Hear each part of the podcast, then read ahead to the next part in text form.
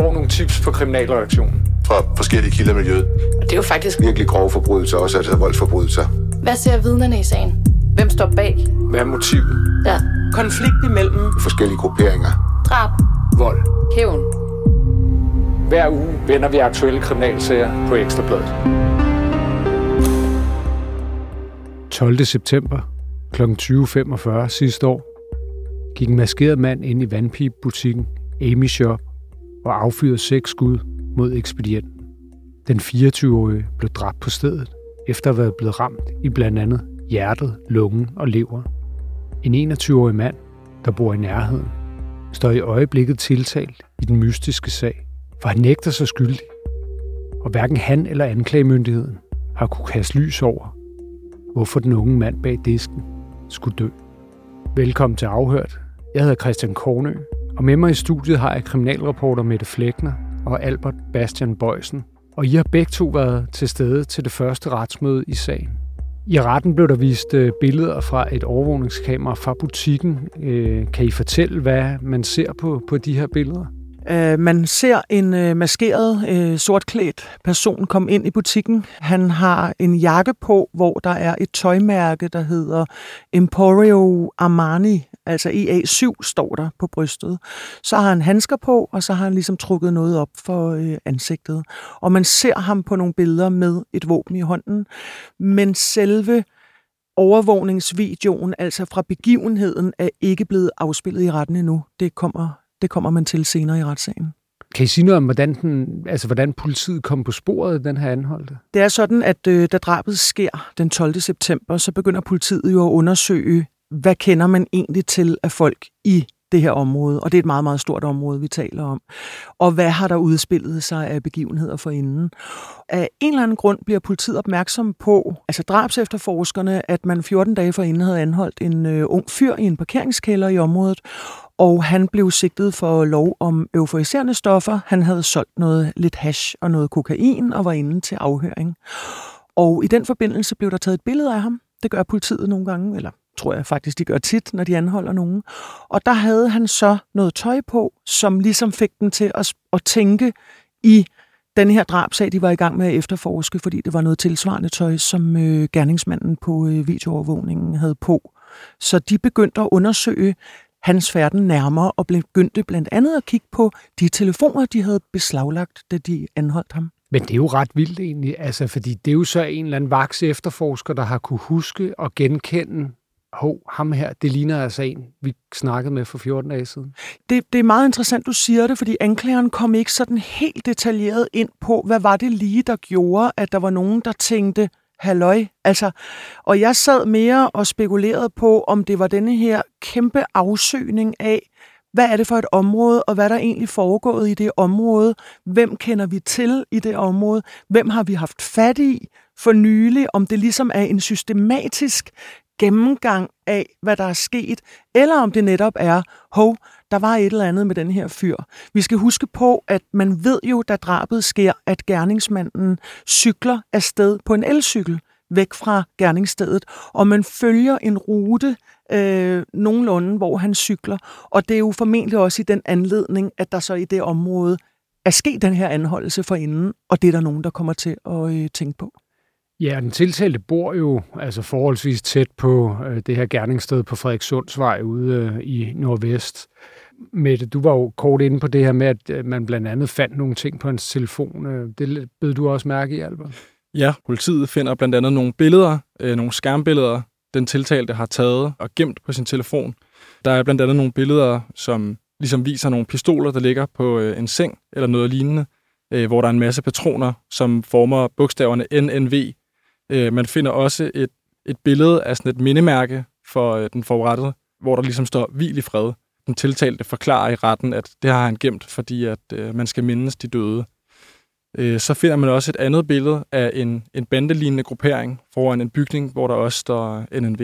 Var han en del af den her bandegruppering NNV, som jo altså, ja, er nedlagt, og så er de jo nu gået ind i flere forskellige øh, grupperinger, blandt andet Comanches og Hells Angels?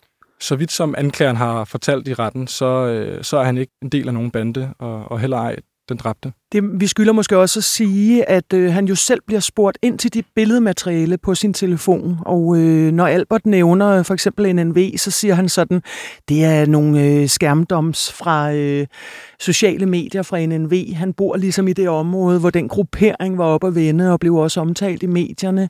Han siger også om øh, det her øh, billede, at han har et billede af den dræbte i sagen, altså som det var et billede, der blev stillet af den dræbtes pårørende ude på Frederikssundsvej med blomster og billeder omkring, og at det er et billede formentlig fra sociale medier, og det synes han bare fordi, nå ja, det var jo sket, ligesom i hans øh, lokalområde også. Og Albert, der var noget andet, der også pegede på, på den tiltalte, altså noget omkring hans tøj. Ja, men han, har, han ejer ligesom, øh, eller har i hvert fald på et tidspunkt ejet noget tøj, som, som ligner utrolig meget, eller som, som er det samme tøj, som gerningsmanden har på på de overvågningsvideoer, der stammer fra, fra den butik, hvor øh, det udspiller sig. Hvordan ved vi, at han har været ejer af noget tøj, der er man til det, som øh, drabsmanden går rundt i inde i butikken? Jamen, politiet finder både på øh, hans telefon i, i Snapchat, og øh, en konto, de har fået adgang til, og i hans øh, kamerarulle, finder de nogle billeder, hvor at, øh, ham her, han ligesom står og poserer med, med det her Emporio Armani AA7 øh, tracksuit på.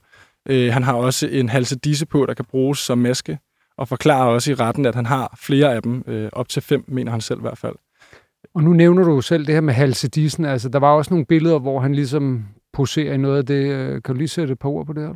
Jamen, han står ligesom og fotograferer sig selv oppefra, hvor man kan se øh, en lille smule af hans ansigt. Måske mest hans øjne i virkeligheden. Og så har han ligesom trukket den her Under Armour halsedisse op over næsen, øh, og ellers tildækker det her tracksuit, hvor han har har fotograferet sig selv. Politiet finder også på hans adresse øh, nogle arbejdshandsker, hvor der er rester af krudtslam på, som ligesom bliver øh, afdækket ved hjælp af sådan en aftæbning, hvor man kan, kan se, om der er krudtpartikler på. Vi skal lige sige, at i forhold til de her krudtpartikler, det var fremme også. Han blev jo afhørt i retten, den tiltalte der på retssagens første dag. Og øh, han har jo så sagt, at han på et eller andet tidspunkt i sommer har skudt med en signalpistol. Øh, det har han gjort sammen med nogle venner også, og det kan være i den forbindelse, at der har været, øh, der har været kommet nogle, øh, nogle krudtpartikler ud også. Og hvordan, altså er den tiltale, er han tidligere straffet, eller er det andet, sådan som man... Det er jo det, der er det er meget, meget gådefulde i denne her sag, fordi den tiltalte er en ung øh, lokal fyr, som før han bliver anholdt for det her lov om euforiserende stoffer nogle øh, uger før drabet, er ustraffet. Han er ikke kendt, som Albert var inde på, han er ikke kendt i bandesammenhæng. Han øh, er ikke blevet taget øh, af politiet før øh, nævneværdigt. Han er en ung fyr, der bor hos sin mor og øh, har nogle psykiske lidelser. Der bliver nævnt ADHD og Asperger, og hvorfor vi nævner det, det er fordi hans forsvar, Gitte Jul Jensen, kom ind på i starten af sagen og sagde til dommer og nævninger, at det kan godt være, at han har brug for nogle pauser under mm. afhøringen. Der er ligesom forskellige ting omkring ham, når han også sidder og bliver afhørt, og måden han svarer på, hvor at det er relevant at ligesom nævne, mm. at der er noget, som måske lige kræver, at han skal trække vejret dybt, eller tænke sig øh, godt om, før han svarer også. Ja, især folk med Aspergers kan have nogle lidt særlige behov, og også nogle særlige udtryksformer, hvis det, hvis det er slemt. Men, men, men netop som du spørger ind til os, det er jo en gåde, fordi han har, som det blev fremlagt i retten på første dagen, ingen relation til øh, den dræbte i butikken kender godt butikken, der ligger der, men er egentlig ikke en øh, kunde, der kommer øh, til butikken heller.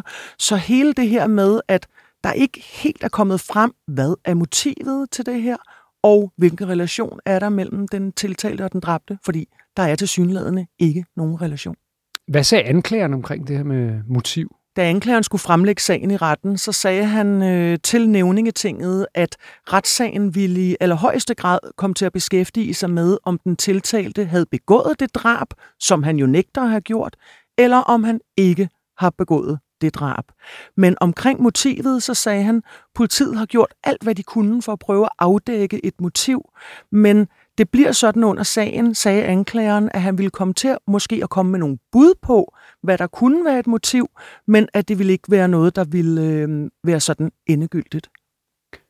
Det er jo meget, meget mystisk. Altså, ved man noget om den dræbte? Altså, var han en mand med mange fjender, eller... Altså det, der er kommet frem også, og det sagde anklager, specialanklager Andreas Christensen under retssagens første dag, så sagde han, øh, der er tale om en ung mand, som passer sit arbejde i en butik. Der er heller ikke noget omkring, at han skulle have noget særligt udstående. Ja, det er jo på mange måder en mystisk og, og meget, meget tragisk sag. Øh, hvad, hvad sker der nu her fremadrettet? Jamen, øh, på mandag der fortsætter retssagen, hvor der formentlig senere, den var fire dage, vil der komme vidner i retten. Øh, en ballistisk ekspert, der skal afklare noget omkring de her øh, patroner, der er blevet affyret inde i butikken. Og så vil der formentlig også blive vist noget video af hændelsen. Øh, anklageren forklarede, at de har video fra butikkens overvågningskameraer, som er øh, af god kvalitet, øh, også med lyd på, øh, og også har noget video ude fra gaden fra andre butikker. Og øh, faktisk var det sådan, da anklageren fortalte, hvordan retssagen egentlig skulle udspille sig, så sagde han, at øh, han ville komme til at advare øh, tilhører, når han skulle spille den her video, fordi den er meget, meget voldsom, og øh, han ville måske også anbefale, at hvis der er pårørende til stede til dræbte, at de ikke overværer det, når det skal afspilles for, øh, for nævningetinget. Men altså, retssagen er jo berammet til sådan en, en fire dage, men der kommer en ret lang pause, når vidneførelsen er slut, så forventer man faktisk først en dom i midten af december. Ja, vi håber i hvert fald, I kommer til at følge den her sag, så man kan få spørgsmål, eller svar på nogle af, af alle de spørgsmål, som, som er rejst i, i, i den her mystiske morsag. Tak fordi I kom.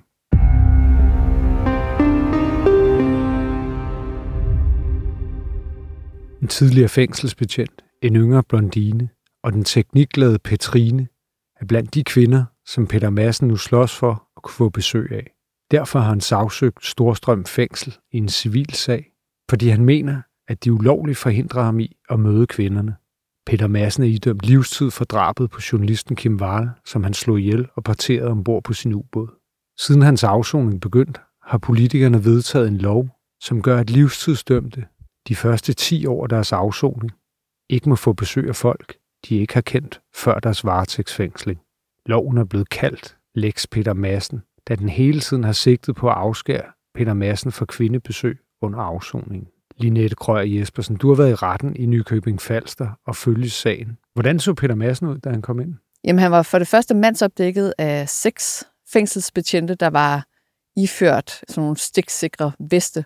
Og så var han selv altså iført håndjern, der var fæstnet fast til sådan en transportbælte rundt om maven. Og det er jo simpelthen fordi, at han er vurderet til at være i flugtrisiko. Han øh, blev for et par år siden idømt øh, fængsel for at have flygtet på meget voldsom vis fra Hersted Vester fængsel ved hjælp af en, et falsk bombebælte og en øh, pistol af trap, hvor han tog en øh, psykolog som øh, gissel. Og det fremgik så også i retten for de her fængselsbetjente, at deres sikkerhedsinstruks var, at Peter Madsen han skal være iført håndjern. Han fik dog lov til at få dem af i retten. Øh, det gav dommeren øh, tilladelse til. Ja, flugtforsøget, det var jo der, hvor han havde skåret en pistoletrap i Hersted Vesters øh, værksted ud af altså noget træ, der, der lå der. Ja, han havde været øh, kreativ øh, derinde, og havde jo så også øh, fremstillet det her falske bombebælte, som øh, man ikke kunne se, om øh, det var øh, rigtigt eller, eller fik. Men Hvem? det værste er jo, at der var en psykolog, der blev taget som gissel. Altså, det var jo meget, meget voldsomt. Det var, det var på den måde, han ligesom fik truet sig ud i frihed, og så blev øh, fanget igen, altså inden for få hundrede meter fra, fra fængslet. Hvad går sagen mere specifikt ud på? Jamen, den går specifikt ud på, at øh, Peter Madsen han har trukket Storstrøm fængsel i retten i en civil sag, fordi han er utilfreds med, at en ny lov har lukket ned for hans øh, kontakt til en række kvinder, som han øh, kom i kontakt med efter drabet på øh, Kim Wahl. Hvorfor er det, man har lavet den her lov om, at sådan en som Peter Madsen øh, ikke må have kontakt øh, med de her kvinder? Politikerne de har begrundet det med, at det er hensynet til altså de pårørende og til øh, offrene, og så er hensyn til retsfølelsen. Altså de vil simpelthen gerne undgå, der er mulighed for at have sådan en slags skiftecentral inde bag træmmer. Man kunne måske også sige, altså, at ja, det har Peter Madsen jo på mange måder også kun sig selv at tak for. I hvert fald når man kigger på altså eksemplet med den unge kvinde, ikke, som er fascineret af drabsmænd. Og det er jo selvfølgelig det, der er politikernes øh, ærne med det her, at det vil de gerne undgå. Det, som Peter Massens øh, advokat som modsat siger, at det er, at man kunne også før netop se på det konkret. Altså er der noget, der taler for? Er der tale om en mindreårig, der tager kontakt, eller er der på en eller anden måde et øh, usundt øh, forhold? Så han mener jo altså, at det er en krænkelse af menneskerettighederne, altså retten til privatliv. Hvem var ellers til stede øh, på de her tilhørrækker nede i Nykøbing Falster? Jamen, der sad øh, fire kvinder, og det er alle sammen kvinder, som jeg har set før i øh, retten. Der var blandt andet en tidligere kvindelig fængselsbetjent, Og det er jo en øh, kvinde, som han øh, mødte lige efter han var blevet øh, anholdt for drabet. Hun var fængselsbetjent på øh, Vestre Fængsel, og var så også den, der kørte ham øh, i cellevognen ind til dommervagten, hvor han skulle fremstilles for en øh, dommer, og efterfølgende blev varetægtsfængslet. Og hun og Peter Madsen, de øh, etablerede altså et, en relation, som jeg selv talt med hende øh, tidligere øh, i forbindelse med, at vi beskrev den her relation. Dengang var hun sådan lidt i tvivl om, hvad hun egentlig skulle kalde det. Altså, sådan, øh, altså om det var en fløt, eller om de var kærester eller noget. Hun er en af dem, som Peter Madsen ikke må få øh, besøg af. Og, øh, og der sagde hun, at hun i starten troede, at det var forelskelse. Og da hun så efterfølgende så fik øh, tilladelse til at besøge ham, altså før at den tilladelse den blev taget væk igen, der sagde hun, at de fandt ud af, at det nok mere var sådan et øh, bror-søster-forhold. Men øh, hun har altså været der øh, hele vejen igennem fra hans øh, anholdelse og frem til nu. Så er der også en ung, lyshåret kvinde, som øh, jeg sådan har kaldt øh, pindeveninden. Hun øh, har aldrig nogensinde haft øh, fysisk øh, øh, kontakt med Peter Madsen. Så de har skrevet breve sammen, og de har også haft øh, ringetilladelse sammen. Det er jo en meget ung kvinde, som også har øh, stået frem i øh, på tv og ligesom har fortalt omkring den her fascination, hun har. Det er en, øh, hun er i starten af 20'erne og har blandt andet fået tatoveret en raket på armen, øh, hvor der så står kærlighilsen øh, Peter Madsen og nogle hjerter. For øh, et par måneder siden, der blev Peter Madsen dømt i en anden sag for at have smuglet nogle breve ud. Og de breve, de var så stilet til den her unge kvinde. Og i retten dengang, der sagde Peter Madsen, at øh, han havde planer om at skulle gifte sig med hende, fordi at øh, så kunne de få en, øh, en øh, status som nærtstående, og så er det så, at man kan få lov til at, øh, at få kontakt. Der var også en anden voksen kvinde, som øh, kender Peter Madsen tilbage fra Refsaløen, hvor han havde gang i øh, alle sine øh, ubådsprojekter. Øh, så var der også en øh, voksen kvinde, Petrine, som jeg også talte med efterfølgende. Hun øh, tog kontakt til Peter Madsen i øh, november 2017, altså nogle måneder efter, at han var blevet varetægtsfængslet. Og det var simpelthen fordi, at hun øh, var interesseret, øh, hun er selv sådan teknikinteresseret, og vil gerne være kosmonaut og sådan noget. Hun tog kontakt til ham, fordi at hun var interesseret i det, han øh, kunne, altså sådan rent øh, teknikmæssigt. Og hun er så også en af dem, der har besøgt ham, indtil at øh, tilladelsen den blev øh, taget fra dem. Og hun siger jo, at øh, det har simpelthen været vigtigt for hende at øh, have de her samtaler med ham. Hun øh, siger, at hun ved ikke, om Peter Madsen har fortjent det, men hun synes, at hun har fortjent det. Skal vi lige høre et klip fra det? Og vi skal samtidig beklage, at der er lidt en dårlig lyd på optagelsen.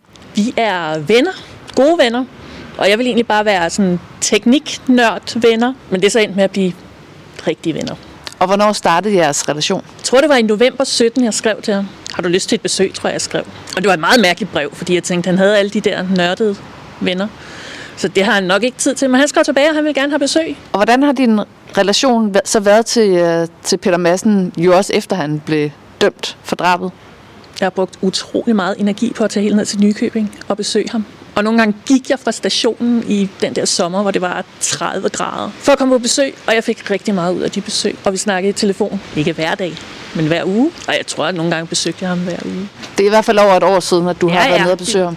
Ja, for det var i februar sidste år, at de sagde, at vi ikke måtte mere. Og hvordan har det været, at den kontakt er blevet afskåret? Altså, mit liv går jo videre. Jeg har en gammel hund, jeg har gamle forældre. Hvad, hvad nu næste gang min verden falder fra hinanden? Han var seriøst god at snakke med. Det kommer jeg til at savne. Men altså, jeg venter. Der er kun tre et halvt år tilbage. Og så, så står vi klar. Og de tre et halvt år, Petrine taler om her, er de tre et halvt år, der mangler før Peter Madsen har afsonet 10 år sin straf, og der frafalder den her sanktion med, at han ikke må have besøg af folk, han har kendt før. Og Peter Madsen kom også med, med nye erkendelser i sagen, da, da du var hernede. Ja, så jeg har jo siddet og fulgt øh, drabsagen i både byretten og landsretten, og der er han jo hele tiden hårdnakket øh, nægtet, at han begik drabet. Han erkendte, at han havde øh, parteret sit offer, men han øh, nægtede, at han havde begået selve drabet. I retten der i Nykøbing Falster, der øh, sagde han jo, altså, jeg vil mene det første gang, jeg i hvert fald har hørt det i en retssal, at han har erkendt drabet på den her måde, men der sagde han jo, at han, mens han ventede på at komme i grundlovsforhør, havde øh, selvmordstanker, og der talte han med øh, den her kvindelige øh, fængselsbetjent omkring det, og han siger, at jeg er i en beslutningsproces, om jeg skal forsøge at overleve og have begået et drab, eller om jeg skal lade være med at overleve og have begået et drab. Og deri der ligger jo så en erkendelse af, at han har begået det her drab. Og han siger så, at det var fængselsbetjenten, som øh, øh, lukkede ham til at, øh, at droppe de der selvmordstanker, og siger, at han øh, hver aften tænker på, om det var den rigtige beslutning. Det er jo voldsomt, altså også, at det er jo nærmest første gang, han så altså erkender det her drab. Ja, i hvert fald øh, inde i en øh, retssal. Hvad handler den her lov helt konkret om? Jamen, den handler om, at livstidsdømte og forvaringsdømte, der er dømt for en forbrydelse, der kunne have givet livstid, de er afskåret fra brevkontakt, fra telefonisk kontakt og fra besøg fra folk, som de ikke kendte, før de blev varetægtsfængslet for den forbrydelse, de er blevet dømt for i 10 år. Og når der så er gået 10 år, kan de så i princippet få kontakt igen. Og hvorfor den her 10-årsregel? Det er simpelthen ud fra tanken, at så er nydens interesse måske dampet af. Det er jo netop en lov, der er sigtet mod at måske at undgå de her sådan fascinationsbesøgen øh, eller fascinationskontakter fra, altså, så man undgår, at de ligesom tager kontakt til de her livstidsdømte. Ja, man har tidligere set også i andre sager med, med især yngre kvinder, som, som tager kontakt til nogle af de her drabsmænd, som sidder inden for meget uhyggelige sager, og så ja, bliver de gift og får forhold til dem og den slags. Ja, lige præcis. Og man kan jo sige, at i Peter Massens øh, tilfælde, der er han jo faktisk også blevet gift, efter han er øh, øh, blevet dømt for det her drab. Altså han blev gift med en øh, russisk kvinde, som han så også er blevet øh, skilt fra igen. Så han har jo også øh, været, været i gang. Men lige præcis i den lov, der er jo den der sådan lille specifindighed med, at det er personer, som man har øh, lært at kende efter varetægtsfængslingen. Det betyder jo altså, at man har lov til at få besøg af nogen, som man kendte før. Man skal bare selv kunne dokumentere, at man har haft kontakt til dem. Men Peter Madsen har eksempelvis ikke noget øh, familie, som han har kontakt med, så derfor så kan han ikke få øh, besøg fra nogen af dem. Og han har kontakt til en enkelt ven øh, tilbage fra dengang, men som bor i Spanien, og som ikke er der til ligesom at kunne besøge ham. Og så har han også lige fået kontakt til en øh, kvinde tilbage fra sin fortid, men som han sagde, at øh, det var ikke så pålidelig en kontakt øh, med hende, og det har ikke været besøg indtil videre. Så han har faktisk kun en besøgsven fra Røde Kors, som øh, besøger ham. Men der er lige den der lille specifindighed i, at det er før varetægtsfængslingen. Og der er jo det med øh, fængselsbetjenten, at hun fik jo sådan set den første kontakt med Peter Madsen, mens han stadigvæk kun var øh, anholdt for drabet, altså før han faktisk blev varetægtsfængslet. Og det er så også noget af det, de slår på i retten, at hun bør være undtaget så fra den her lov. Og der er det så, at øh, repræsentanten, altså advokaten fra Storstrøm Fængsel, siger, at det kan ikke være det, der har været intentionen med loven. At øh, den kontakt, der har været mellem fængselsbetjenten og Peter Madsen på det tidspunkt, var ren professionel og øh, ikke kvalificeret på en måde, så det ligesom kan tælle som en, øh, en kontakt forud. Hvornår bliver sagen så afgjort? Jamen, der falder afgørelse i den øh, den 30. november. Tak, fordi du gjorde os klogere nu her i hvert fald, Lina. Det var så lidt.